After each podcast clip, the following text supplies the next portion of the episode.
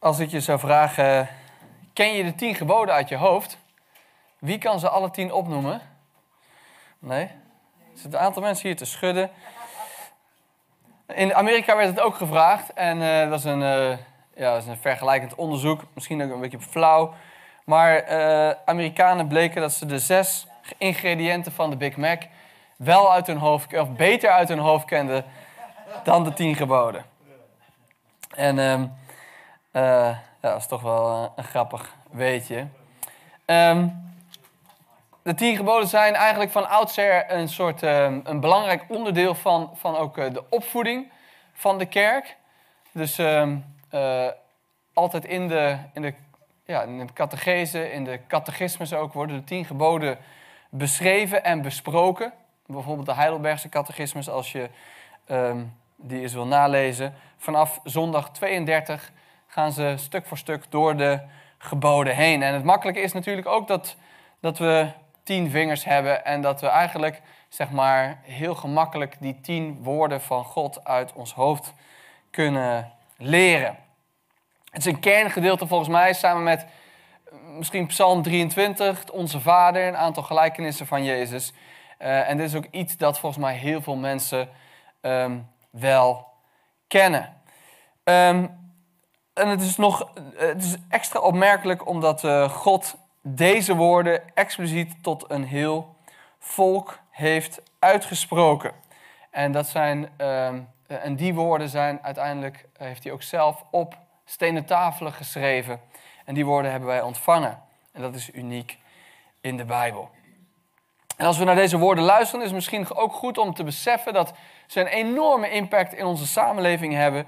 Uh, van verschillende auteurs kwam ik de bewering tegen. Dat is natuurlijk iets dat uh, nou ja, is moeilijk misschien om, uh, om uiteindelijk helemaal te bewijzen. Maar dat de universele verklaring van de rechten van de mens, 1789, dat die voornamelijk gebaseerd was op de tien geboden.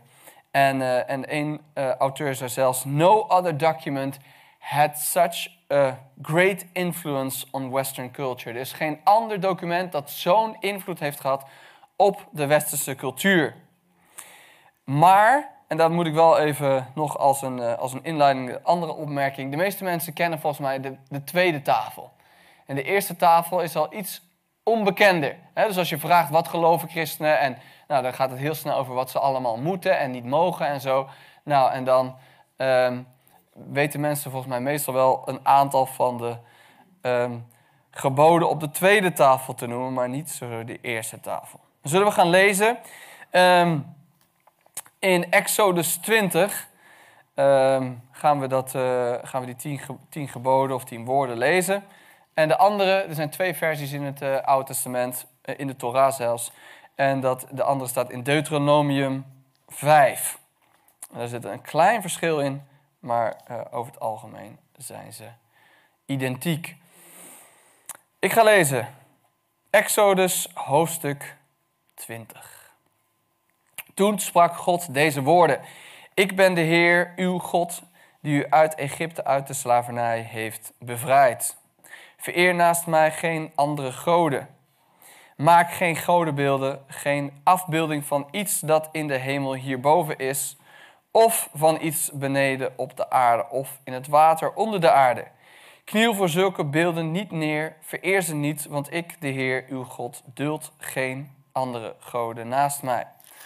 Voor de schuld van de ouders laat ik de kinderen boeten en ook het derde geslacht en het vierde wanneer ze mij haten. Maar als ze mij lief hebben en doen wat ik ge, uh, gebied, bewijs ik hen mijn liefde tot in het duizendste geslacht. Misbruik de naam van de Heer uw God niet, want wie zijn naam misbruikt, laat hij niet vrij uitgaan. Houd de Sabbat in ere, het is een heilige dag. Zes dagen lang kunt u werken en al uw arbeid verrichten, maar de zevende dag is een rustdag die gewijd is aan de Heer uw God. Dan mag u niet werken. Dat geldt voor u, voor uw zonen en dochters, voor uw slaven en slavinnen, voor uw vee en voor vreemdelingen die bij u in de stad wonen. Want in zes dagen heeft de Heer de hemel en de aarde gemaakt en de zee met alles wat daarin leeft. En op de zevende dag rustte hij. Daarom heeft de Heer de Sabbat gezegend en heilig verklaard. Toon eerbied voor uw vader en uw moeder. Dan, zult u gezegend, uh, dan wordt u gezegend met een lang leven in het land dat de Heer uw God u zal geven. Pleeg geen moord, pleeg geen overspel, stil niet, leg over een ander geen vals getuigenis af. Zet uw zinnen niet op het huis van een ander, evenmin op zijn vrouw, op zijn slaaf, zijn slavin, zijn rund of zijn ezel of wat hem ook maar toebehoort. Voor zover de tien geboden.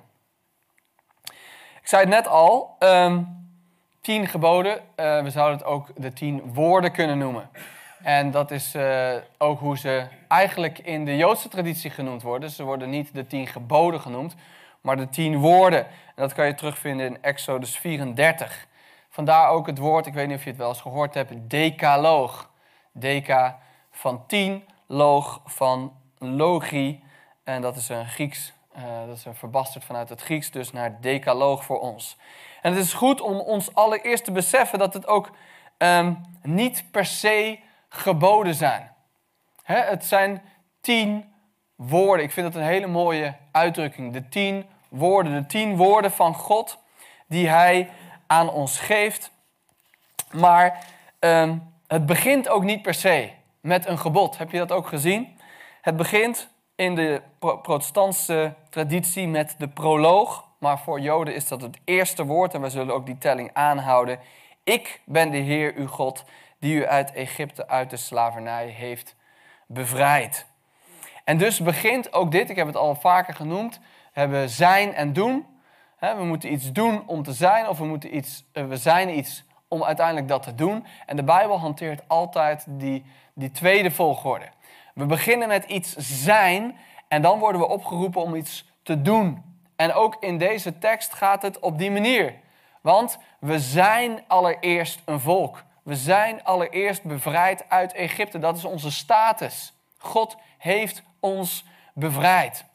En op basis daarvan is de oproep om iets te doen, om dat, om dat uit te leven, om dat vorm te geven. En dus, mensen zeggen wel van dit is een totaal ander verbond. Het woord verbond zullen we in de komende weken nog verder gaan uitpakken. Maar een verbond dan het uh, nieuwe verbond in het Nieuwe Testament. Maar ook dit is een genadeverbond. Dat is heel belangrijk om je te beseffen. Ook dit verbond is gebaseerd op genade. Het, is, het gaat uit van genade, want we zijn bevrijd. En een bevrijd volk wordt hier aangesproken. En uiteindelijk, als je de mist ingaat, dan zijn er offers, waardoor we binnen die genade blijven. Het was een volk dat wegtrok uit Egypte. En um, ook wij, als het goed is, willen leven vanuit die identiteit die we hebben als uitgeleid volk. En krijgen dan de opdracht om dat um, vorm te geven in ons leven. Om te leven naar zijn wil. En het verschil tussen dit verbond en het verbond, het nieuwe verbond van Jezus, is natuurlijk de persoon van Jezus zelf.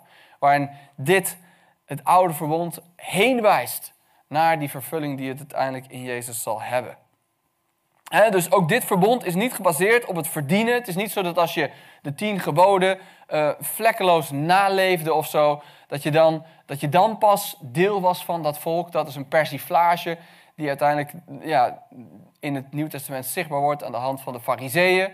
die, die een soort gerechtigheid vanuit de wet uh, predikte, waar je heel hard moest werken om maar bij God in een goed boekje te komen. Maar ook dit verbond werkt vanuit eerst die verlossing en daarna dat, dat uitwerken daarvan. En ik denk dat het goed is om te beseffen dat het altijd, um, het is altijd de godsdienstige mens die iets wil verdienen bij God. En dat herkennen we als het goed is allemaal in ons leven wel. Dat we iets willen verdienen bij God. Dat we bij Hem in een goed boekje willen komen op een of andere manier. Um, en um, uh, ook dit verbond werkt niet op die manier. Want we worden allereerst aangesproken als ik ben de Heer, uw God die u uit Egypte, uit de slavernij heeft bevrijd. Ook wij zijn bevrijd uit slavernij. Um, gisteren luisterde ik nog een, een luisterboek en zei iemand... Um, het, het, de, de, ja, het grote uh, pluspunt van de evangelische stroming is activisme. We willen graag iets doen, willen ons inzetten, we willen in beweging zijn. Dat zit ook al in onze samenkomsten, dat we hier komen om iets te doen en dat er veel van ons gevraagd wordt. Maar het, het minpunt van de evangelische stroming is ook dat activisme. Dat het allemaal van ons afhangt. Dat wij het moeten bewerkstelligen. Dat als wij het niet doen, dat er niks gebeurt. En ehm, daarin mag ook genade zichtbaar zijn. Het is ook gelukkig God die beweegt en werkt, ook los van ons. Wij leven uit genade. En in die relatie willen we als het goed is leven naar zijn wil. In, in, vanuit het, het gegeven van het verloste volk wil dat verloste volk als het goed is leven naar zijn wil. misschien is een huwelijk past daar, het beeld van een huwelijk past daar goed bij. Als je getrouwd bent, dan wil je als het goed is leven ehm, in, in, in overeenstemming met die ander. Wil je rekening houden met die ander? Wil je rekening houden met de wil van de ander? Wil je zelfs als die ander zegt van nou, ik vind het fijn als, als, uh, als je onderbroeken niet op de grond gooit en in de wasmand uh, doet, dat je dan ook daar rekening mee houdt. Omdat je samen getrouwd bent en, en, en, en, niet omdat, uh, omdat je nou eenmaal zeg maar een papiertje hebt getekend met daarmee dat je dat voor altijd zal doen, maar omdat je, omdat je in een relatie bent. En omdat je, dat er een, een wederzijdse liefdesrelatie is waarin je jezelf wil geven. Dat is het beeld van hier. Er is eigenlijk dat huwelijk en, en, en God roept op, wil je dan ook leven? Naar mijn wil. En dit is dan de wil van God, deze tien woorden in de kern. En daarom vind ik het mooi dat, als, dat, dat iemand zei, het zijn woorden van hoop. Hoop dat we op een goede manier kunnen leven met God en met anderen. Het zijn dus niet woorden gegeven om ons te ontmoedigen in de kern, maar woorden om ons te verheugen. En dus in de psalmen worden er verschillende mensen uh, uiten hun vreugde die ze vinden in de wet. Lees uh, psalm 119 maar. Wat vind ik vreugde in uw wet? En als we denken aan wet, dan, dan mogen we volgens mij zeker denken aan, aan deze tien woorden. Daar mogen we vreugde in vinden. Mogen we blij van worden dat God deze woorden aan ons heeft gegeven als leidraad van ons leven als woorden ten leven. Zo, wordt, zo sluit dat hoofdstuk in Deuteronomium. Deuteronomium 5 noemde ik al, dat ook daar die woorden genoemd worden. En aan het einde van dat hoofdstuk zegt, zegt um, Mozes dan: Het is nu aan u. Deuteronomium 5, vers 32. Het is nu aan u om ze in acht te nemen, zoals de Heer uw God u heeft opgedragen. Wijk er op geen enkele manier van af. Volg steeds de weg die Hij u heeft gewezen, dan zult u in leven blijven en er, en dat vind ik heel mooi, wel bij varen. En lang mogen leven in het land dat u in bezit krijgt. Dus het zijn woorden ten leven. Woorden die ons mogen verheugen. Woorden waar we blij van mogen worden. Woorden die we mogen opdrinken en waar we onszelf uh, in zekere zin mogen verliezen in de breedte en de hoogte en de diepte ervan en, en die mogen uitdiepen in ons leven. Nou, dan als we kijken naar die tien woorden, dan, uh, ik weet niet of je het net hebt meegeteld op je vingers. Het was nog best wel moeilijk om op tien te komen. er zijn uh, minstens drie volgordes, minstens drie manieren om dat te tellen. Tel je het eerste woord wel of niet mee? Um, de, het laatste woord wordt soms in tweeën gedeeld. Nou, daar zal ik niet te veel over zeggen. Maar um, wij houden in ieder geval voor de komende weken de, de Joodse volgorde aan. Waar dus het eerste woord waar over um, drie weken volgens mij over gesproken gaat worden, is ik ben de Heer, uw God, die u uit Egypte, uit de slavernij heeft bevrijd. Dat is het eerste woord. Er zijn ook, als je daar verder onderzoek naar wil doen, kan ik je wel wat toesturen. Ook interessante verbanden tussen de eerste vijf en de tweede vijf op die manier. Of iemand noemde um, de indeling van 3331 ook aan de hand van de plagen. Dus dat er een verband is tussen de plagen en de tien geboden.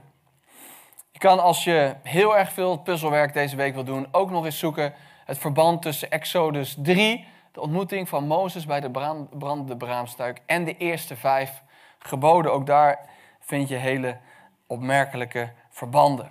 En met die verbanden wordt eigenlijk al zichtbaar dat, er, eh, dat, het, dat de tien geboden op zichzelf ook breder en dieper zijn dan deze tien geboden.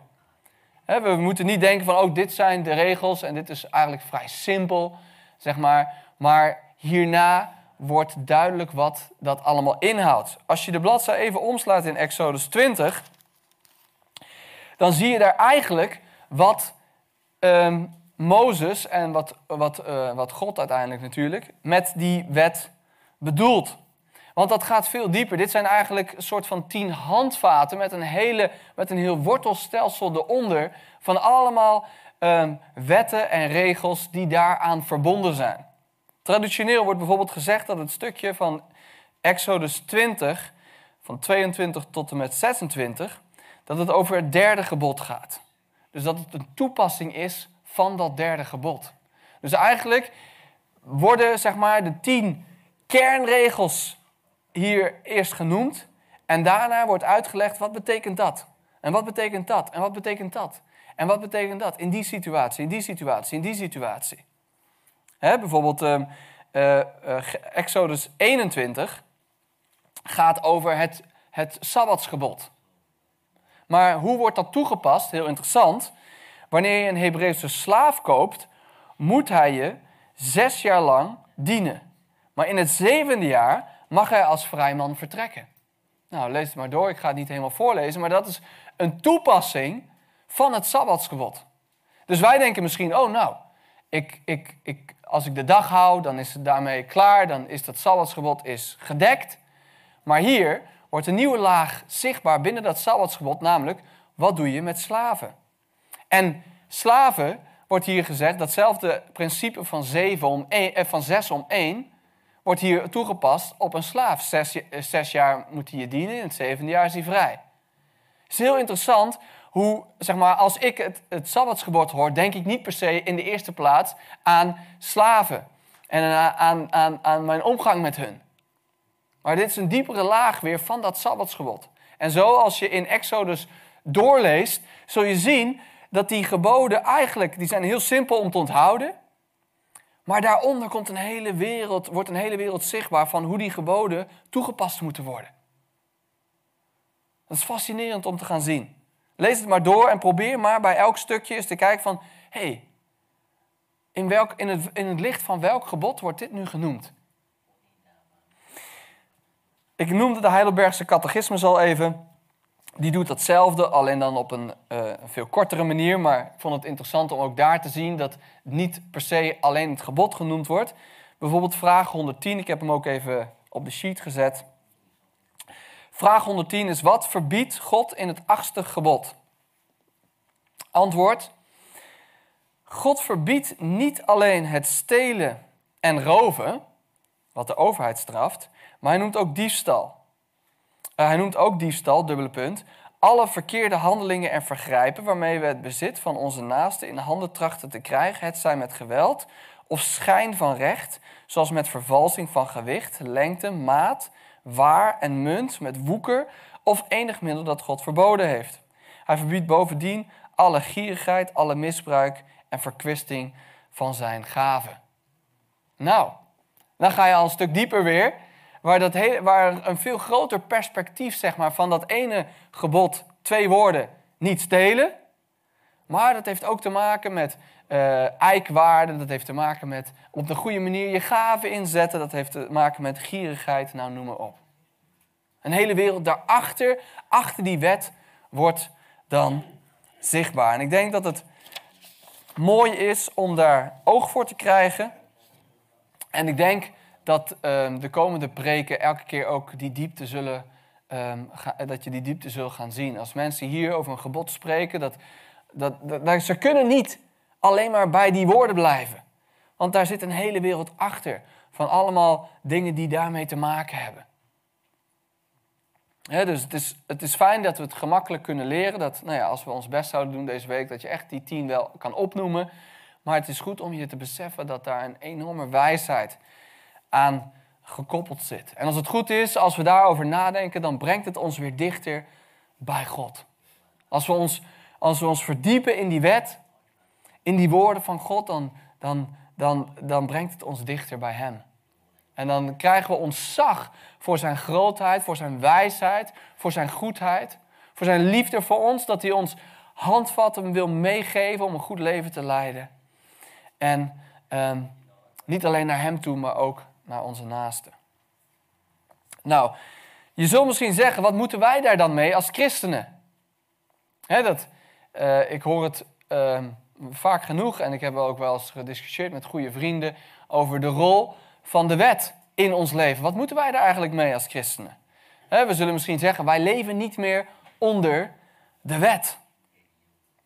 En iedereen voelt dat het dan een beetje schuurt als we zeggen van ja, moeten we dan nog wel de tien geboden houden of moeten we ze niet houden en hoe zit dat dan? Nou, ik denk, het is allereerst goed om een, even een, een, een, een stapje terug te doen en, en overzicht te krijgen over de verschillende verbonden die er zijn. er, zijn er, is niet, er, zijn niet één, er is niet één verbond, er zijn niet twee verbonden, er zijn meerdere verbonden in de Bijbel. Het verbond, misschien wordt het niet helemaal zo uitgesproken, bijvoorbeeld tussen Adam en God aan het begin. Het heeft ook de structuur van een verbond. Dan het verbond tussen Noach en God uit mijn hoofd in, in, Genesis 9. Waarin ook eh, de, de regenboog als teken van dat verbond zichtbaar wordt. Dan het verbond met Abraham is weer een verbond. Het verbond met Mozes. De vernieuwingen van het verbond die plaatsvinden onder de koningen. Allemaal verbonden. Allemaal met ook specifieke regels weer. En die regels die zijn soms anders. Kijk bijvoorbeeld naar het verbond van Noach ten opzichte van het verbond van Mozes. In het verbond van Noach wordt er gezegd dat je alle vlees mag eten zolang er maar geen bloed in zit. In het verbond van Mozes worden er hele specifieke uh, uh, wetten opgesteld als het gaat om welk vlees je wel en niet eet. Dus die verbonden zijn in zichzelf ook niet helemaal gelijk. En de regels van die verbonden zijn niet gelijk. En dan komt er dat nieuwe verbond. Het nieuwe verbond dat Jezus inluidt, waar we bij stilstaan als we avondmaal vieren en zeggen, dit is het nieuwe verbond. Dat nieuwe verbond, dat gaat eigenlijk over diepere lagen. Jezus in, zijn, in de bergreden bijvoorbeeld, Matthäus 5 tot 7, wijst op, op de ware bedoeling van de wet. Hij zegt van, ik ben niet gekomen om de wet af te schaffen, ik ben gekomen om de wet te vervullen. En vervullen betekent in die zin dat hij is gekomen om de wet te laten zien wat hij werkelijk bedoelt. Wat God werkelijk heeft bedoeld in die wet. En daarom spreekt hij ook elke keer van ja, jullie hebben gehoord dat, maar ik zeg jullie. En dan gaat hij nou wel tien lagen verder dan in de eerste plaats je misschien dacht over die tekst. dat vermoorden zelfs gaat over iets van je hart. Je kan wel denken, oh, nou, ik heb een goede week gehad, heeft niemand vermoord maar Jezus zegt dan, nee, maar het gaat over veel meer. Het gaat over veel meer. Dus die verbonden, die wijzen allemaal op dat nieuwe verbond. Die, geven al, die staan allemaal in datzelfde perspectief. Maar op diezelfde wijze mogen we ook weer terugkijken naar die verbonden met, zeg maar, vanuit dat nieuwe verbond. En mogen we kijken hoe we vanuit dat nieuwe verbond die andere verbonden moeten interpreteren. Over hoe we met die regels mogen omgaan. En dat is geen gemakkelijke opgave.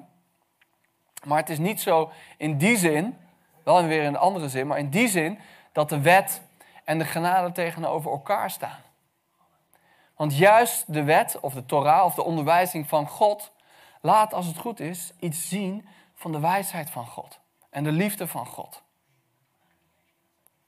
En dus mogen we vanuit die wet, en ja, in het Nieuw Testament wordt gesproken over de wet van Christus, de volmaakte wet, de wet van Christus, mogen we terugkijken naar al die andere wetten en die proberen te interpreteren.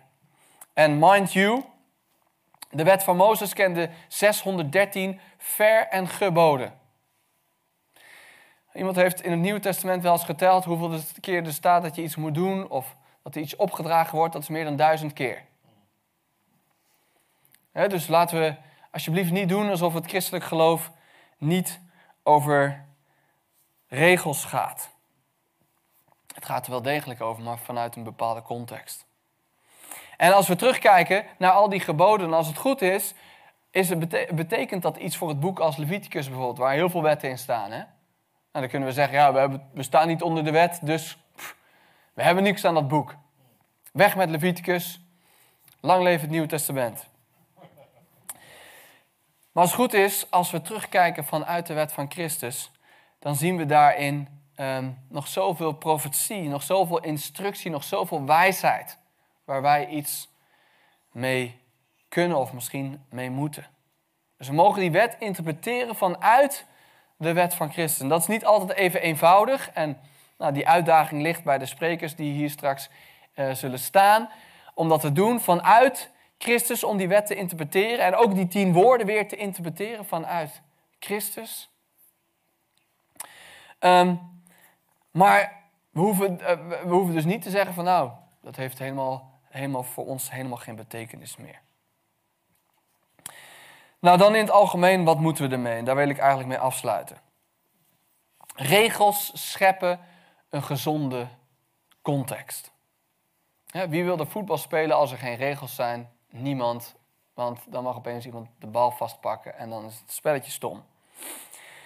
Regels maken een relatie mogelijk. Als we gezamenlijke regels hebben, kunnen we een gezamenlijke relatie hebben. Zonder regels maken we elkaar kapot. En met regels kan er vertrouwen groeien. Wij hebben die regels nodig, zodat binnen die regels er een vertrouwensband kan ontstaan. Zodat vertrouwen kan groeien. Zodat we op elkaar kunnen bouwen. Ik dacht deze week nog, wie zou er aan het verkeer willen meedoen als er geen regels zijn? Ik zou niet eens in de auto durven stappen als er geen regels zijn. dan rijd ik mijn auto weg de andere kant op, omdat er toch geen regels zijn. Je hoeft helemaal met de stromen van het verkeer geen rekening te houden. Nou, als ik dat gedaan heb, dan kom ik de eerste auto waarschijnlijk alweer tegen, die hard tegen me aanrijdt. Regels hebben we nodig om te kunnen leven. En die kaders, die zorgen dat dat gezond blijft. We kunnen uh, in deze wereld is het denk ik een beetje mode om, om, om te doen alsof er geen regels zijn. Maar als je daar goed over nadenkt, dan vormen die regels de structuur van ons leven. En we hebben regels nodig. We hebben die structuur nodig. En het christelijk geloof gaat onherroepelijk over regels. Daar hoeven we ook niet moeilijk over te doen. Jezus zei zelfs, als je mij lief hebt, dan gehoorzaam je mijn regels of mijn geboden. En die regels die zijn ons, er niet om ons te pesten, maar die zijn er, als het goed is, om ons leven te geven. En dat is ook de uitdaging die we zelf mogen aangaan. Als we die regels gaan volgen, dat we daaruit mogen ontdekken, ze geven ons leven. En daarom is het zo interessant dat en dan, en eh, ja, ik vind het echt opmerkelijk. Als ik die tien geboden had gelezen een paar keer en er goed over had nagedacht, nooit was ik op, de, op, de, op, op het idee gekomen dat de samenvatting daarvan was: God liefhebben en je naaste als jezelf. Toch? Ja, misschien ben ik een beetje simpel, maar eh, ik vind dat heel opmerkelijk. In het Nieuwe Testament wordt twee keer dat genoemd. Eén keer dat een, een, een, een schriftgeleerde dat als samenvatting van de wet geeft. En een andere keer geeft Jezus dat zelf. Samenvatting van de weg, een wet. Wat is de kern daarvan? God liefhebben. Boven alles en je naaste als jezelf. En liefhebben is dus de kern van deze regels. Liefhebben van God. Liefhebben van mensen. En liefhebben is in onze, samenleving misschien iets meer een gevoel. We hebben een, ehm, iemand noemde het, we hebben een uh, extreem subjectieve kijk op liefde. Liefde is een emotie. Als ik het voel, dan heb ik het. Als ik het niet voel, heb ik het niet. Hè, ik, ehm, in die zin kan je ook zeggen, ik hou van mijn vrouw, maar ik hou ook van chocola.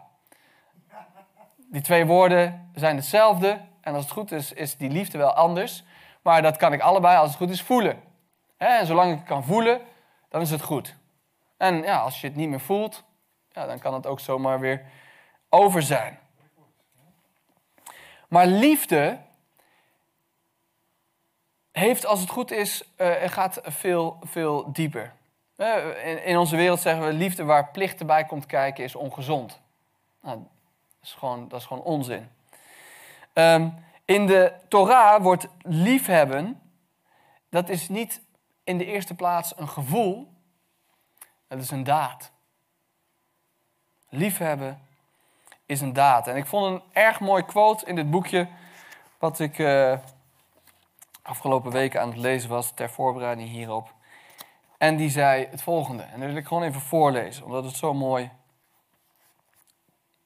uh, zo mooi verwoord was. Liefde, liefhebben is voor de Torah niet een gevoel, maar een daad. De naaste liefhebben betekent in de eerste plaats hem niet haten, niet begeren wat hem toebehoort, maar het wil ook zeggen instaan voor zijn leven en zijn lichamelijke en geestelijke onschendbaarheid. Zeker, het betekent allereerst ervan afzien hem te doden, maar ook hem niet verwonden, het zij door hem te slaan, het zij door woorden, door tegen hem te liegen of door hem te bedriegen. En ook hem te hulp te komen, hem helpen overeind te, helpen, te komen, hem eerlijke middelen van bestaan verschaffen. Van de vreemdeling houden wil zeggen, hem op de voet van gelijkheid behandelen. Van de armen, de weduwe, de wees houden wil zeggen, hun het kledingstuk vergoeden dat hun als onderpand is afgenomen. Het is hun ellende verlichten, hun geven wat nodig is om te leven. Van de slaaf houden betekent hem goed behandelen. Van de vijand houden wil zeggen hem zijn rund of ezel terugbrengen als die van zijn kudde zijn afgedwaald.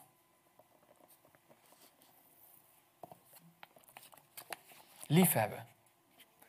Als de wet gaat om liefhebben en het heeft te maken met daden. Het spreekt in de eerste plaats over hoe we dat liefhebben kunnen vormgeven. Dan is dat helemaal in lijn met het Nieuwe Testament.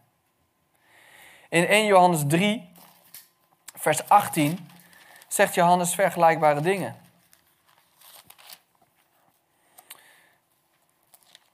In Johannes 3, vers 18 zegt Johannes: Kinderen, moeten niet liefhebben met de mond, maar met, met woorden, maar waarachtig met daden. En als jij en als ik mij afvraag, hoe kan ik God en de ander lief hebben? Dan kunnen we twee dingen doen volgens mij. Wachten op onze stoel, op een warm gevoel van binnen. Dat we diep in ons ziel geraakt worden met een overheerlijke liefde voor die persoon. En denken, oh ja, en nu kan ik iets gaan doen. Maar God laat in zijn tien woorden zien dat liefhebben iets te maken heeft met daden. Doe het dan zo.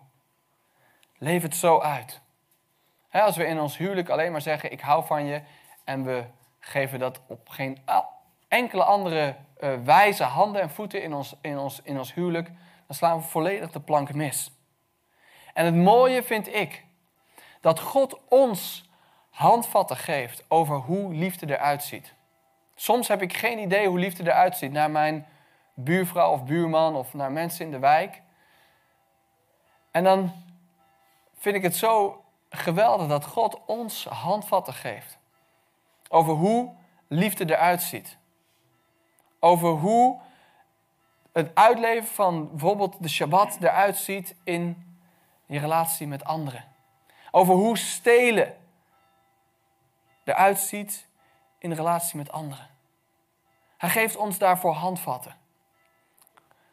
Omdat wij, zodat wij op een goede manier kunnen leven. Zodat wij kunnen leven en kunnen weten hoe wij God kunnen liefhebben. We kunnen zeggen van ik, ik heb God lief omdat ik een warm gevoel van binnen heb. We kunnen ook zeggen ik heb God lief omdat, omdat ik heel voorzichtig met zijn naam omga omdat ik zoek waar de afgoden in mijn leven zijn. En die zoveel mogelijk buiten de deur hou, daarvan bekeer. God heeft aangegeven, als het ware, hoe hij graag wil worden lief Wacht even, nu wordt de zin wel heel moeilijk. God heeft aangegeven hoe, hoe hij fijn vindt om dat, dat wij hem lief hebben. Zo, dan heb ik me uitgered. En dat heeft hij vormgegeven in, de, in zijn tien woorden. En in alles wat eruit volgt. En dan zouden wij wel helemaal gek zijn als we zeggen van nou, daar hebben we helemaal niks mee te maken. Want God heeft ons die handvatten gegeven. Zodat wij op een goede manier om kunnen gaan met, met Hem en met onze naasten. En zo kan die wet volgens mij tot leven zijn. Tot echt, echt tot leven. Tot het volle leven dat Jezus bedoeld heeft. Nou, ik hoop dat dat uh, jullie heeft uitgedaagd om in ieder geval de komende tijd uh, hier te komen en daarna te luisteren. Want ik ben heel benieuwd wat er gaat volgen. Ik wil afsluiten met een gebed en zal daarna uh, de zegen uitspreken en dan zingen we nog een lied. Vader in de hemel, we zijn u dankbaar voor de woorden die u aan ons gegeven hebt. Heer, dat u ons handvatten heeft gegeven voor dit leven. Dat we van u mogen leren hoe we kunnen liefhebben. En Heer Jezus, we danken u dat u naar deze aarde bent gekomen om ons lief te hebben. En dat dat niet beperkt bleef tot een warm gevoel, maar dat u dat tot in de dood hebt doorgetrokken. Heer, dat u ons hebt zichtbaar gemaakt wat het doel van de wet is. Hoe diep die geboden gaan. En Heer, we beleiden op dit moment dat we daarin tekort schieten. Maar we, we willen ook uiten dat het ons verlangen is om daarnaar te leven. Om te leven naar uw geboden. En we bidden dat u ons vult met uw Heilige Geest, zodat we ook deze week dat kunnen vormgeven. Dat we echt kunnen leven tot uw eer. En help ons om die specifieke geboden zo toe te passen in ons leven. Dat ze u eer geven. Dat daar onze liefde voor onze naaste in zichtbaar wordt. En vraag u om wijsheid in de naam van Jezus. Amen. Zullen we gaan staan voor de zegen en voor het slotlied.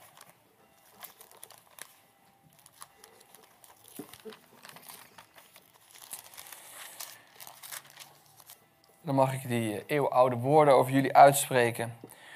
Mogen de Heer u zegenen en u beschermen. Mogen de Heer het licht van zijn gelaat over u doen schijnen en u genadig zijn. En mogen de Heer u zijn gelaat toewenden en u vrede geven. Amen.